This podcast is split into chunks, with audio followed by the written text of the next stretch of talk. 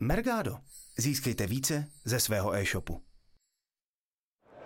Ahoj Evi. Ahoj. Ja ďakujem, že si si na Rešopery našla čas natočiť rozhovor, pretože určite ako hlavný organizátor máš plno práce. A vlastne tým som už prezradila, kto si, ale tak povedz nám, kto si. Já jsem organizátorka Reshoperu. Organizuju i jiné akce, ale Reshoper je moje hlavní náplň prá- práce. Mhm. A možná, jestli chceš něco říct dřívějška, co jsem dělala, Mhm. já jsem měla e-shop od 15 Mhm. a v podstatě celých 10 let jsem tam pracovala, měli jsme malou výrobní firmičku a z toho se to tak pak nějak jako uh, přetvořilo v Reshoper, no. A ja viem, že vlastne Reshoper robí aj Indra, tak uh, akým spôsobom ste sa vy dva vlastne Jo. v tomto projekte spojili? No, já jsem se shodou okolností dostala na Ostravský marketing festival do týmu náhodou. A tam jsem si vlastně uvědomila, jak je to skvělý, jak je to prostě, jak mi to nabíjí ta akce, jak, jak jsem v tom jako vlastně se s tom jako cítím hrozně dobře. A potom vlastně Jindra hledal jako parťáka pro založení nějakého nového projektu. A tak jsme si dali prostě kafe a vymysleli jsme Reshopper, no. Tehdy ještě e-commerce expo teda se to jmenovalo. Mhm. Prvý ročník sa volal e-commerce expo. Prečo ste potom zmenili ten názov? Um, ten první ročník to bylo docela jako taktické, protože většina těch akcí, které pomáhají e-shopům a e-commerce, tak se jmenují e-commerce expo, um, třeba Londýn nebo e-commerce Berlín, všechno je to jako hodně se to používá, ten název je takový jako generický, takže jsme předpokládali, že nám to trochu pomůže Mhm. v tom startu, že uděláme vlastně e-commerce expo Prague, což se povedlo, ta, jako přilákalo i ty zahraniční hosty, zahraniční uh, vystavovatele a tak dále, ale pak se to v podstatě, ten druhý rok se ukázalo, že se ta akce hodně pletla právě ještě s jednou další akcí, tady českou, a což byl problém, protože nám prostě vystavovatelé volali, že jedou a my už jsme byli dávno po akci a bylo to takové jako, bylo z toho takových jako pár nedorozumění, tak jsme se rozhodli, že to rebrandujeme na něco, co bude Mhm. jako srozumitelnější, no. A bol ten rebranding ťažký, alebo ľudia okamžite v podstate prešli na ten nový názov? Bylo to, my to teda nemáme změřeno, ale já si myslím, že ten, ta změna byla docela náročná, protože my jsme v podstatě tím, že ty akce se pletly předtím, Mhm. tak jsme vlastně podle mě trošku přišli o ty zákazníky, kteří si to potom pletli dále a mysleli si, si že my jsme už někdo jiný. Mhm. Jo, ale to je jako taková spíš moje domněnka, nemáme to změřený. Ta účast byla ten druhý ročník jako mnohem větší, takže Mhm. těžko říct ve finále. Ty si povedala, že vlastne ťa organizovanie akcií baví. A ako, prečo vlastne teda takýto veľtrh spojený s konferenciou? Prečo tento model? A druhá otázka bude vlastne, prečo vôbec teda takýto veľtrh? Uh, no my jsme v podstatě chtěli udělat, v té, době, co jsme to vymýšleli, tak tady v Česku nebyl žádný e-commerce veletrh, nic jako pro e-shopy takhle velkého, kde by to nebyla jenom konference, ale bylo by to prostě opravdu jako veletrh stánky, firmy. Takže jsme v podstatě viděli jako díru na trhu, kterou jsme se rozhodli zaplnit. A zároveň jsme si mysleli, nebo pořád si myslíme, že jenom ten veletrh jako sám o sobě nestačí, že ten člověk prostě musí do toho přidat i nějaký program, konferenci, workshopy, nějakou jako aktivitu, kde ti lidi prostě budou moct za chvilku vypnout a jít se na něco podívat, nejenom prostě tady se bavit s těmi vystavovateli. No.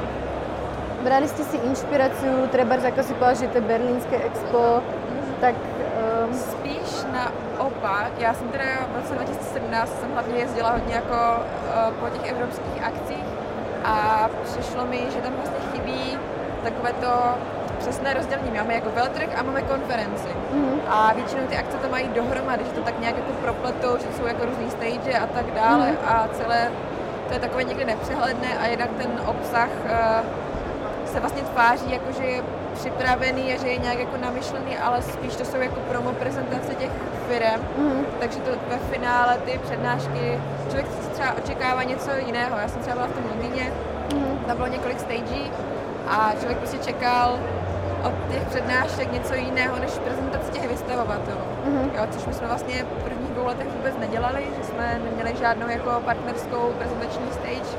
A teď to vlastně třetí rok zkoušíme, udělali jsme stage, protože tady ta jako potřeba je. Ty firmy chtějí se Mhm. prezentovat, ale my jsme to udělali tak, abychom ty návštěvníky opravdu připravili na to, že to je stage, kde se prezentují ti partneři, mm-hmm. aby tam jako nedocházelo k tomu komunikačnímu mm-hmm. jako nedorozumění. No. Takže vlastně stage, která je tu je partnerská a co teda ta konferenční část? Mm, tam ten obsah v podstatě opravdu připravujeme jako skoro na míru, jo? Mm-hmm. Třeba letos máme strategický rozvoj e-shopu uh, pomocí dat a tam v podstatě my jsme během roku dělali různé studie, zkoumali jsme data českých e-shopů, porovnávali jsme to s minulým rokem a teďka to vlastně budeme prezentovat mm-hmm. na ty akci. No. A i spousta těch jako řečníků třeba má vlastní studie, které taky ještě nikde neprezentovala, takže mm-hmm. tam to máme takhle jako vyladěné ten program. Ty jsi povedala, že jste vlastně počas roka robili různé studie. Já vím, že uh, Reshoper má blog, na kterém vycházejí teraz poměrně dost odborné články. Tak uh, v podstatě, akým způsobem vznikají ty články? Či je těžké vůbec získat ty data? A proč jste se rozhodli blog vůbec rozběhnout takýmto směrem? No, to je jako částečně je to další marketingová aktivita. Mm-hmm. Takže, protože postovat uh, obrázky speakerů a vystavovatelů jako nestačí na to, abychom ty lidi nalákali mm. na ten web a představili jim tu akci. Takže částečně to byla jako marketingová aktivita, částečně právě to píše Indra Fáborský, který mm. jako má data hodně rád a spolupracuje s Filipem Podstavcem v Marketing Mindru, mm. takže oni ty data v podstatě uh, zkoumají společně mm. a přizpůsobují to potom jako různým tématům a tak, takže to je spíš jako nebo je to jeho práce, protože ten datablock. Ešte sa vrátim teda priamo k Expu. Dnes je tu naozaj veľa vystavovateľov od nejakých prepravcov po vyhľadávače. Akým spôsobom, respektíve pre, prechádzajú tí, ktorí chcú vystavovať nejakým sitom v zmysle, že viete, že všetci chcú expandovať, tak stánky, aby mali, dajme tomu, trošku viac zameranie na toto, alebo je to otvorené naozaj všetkým? No my jsme si původně s tou myšlenkou hodně hráli, že budeme dělat to síto, že tady nepustíme každého. Na druhou stranu je to těžko proveditelné, protože těžko vymyslet nějaké jako měřítko, proč zrovna vy byste mohli a vy nemůžete. Jasne. To je těžký a na druhou stranu my zase nechceme já to, já to vnímám jako platformu. My tady dáme prostor, máme tady uh, vystavovatelské, vystavovatelské místa a převedeme tady ty správní lidi a tak se to tady všechno potká. Jo? Že já, já tady ten obsah na tom veletrhu se snažím podporovat těmi správnými směry, ale mm. neříkám těm firmám, jak se mají prezentovat nebo co mají prezentovat, jaký produkty mají přivést a tak. Um, tento rok veľa vystavateľov sa rozhodlo mať nejakú svoju minikonferenciu, my vlastne tiež. Jasne. Uh, sledujete vy nejak tento trend toho, ako ľudia, dajme tomu, posúvajú tie svoje stánky? Určitě, myslím, že tady je docela vidět, že, že to letos vypadá zase o kousek líp.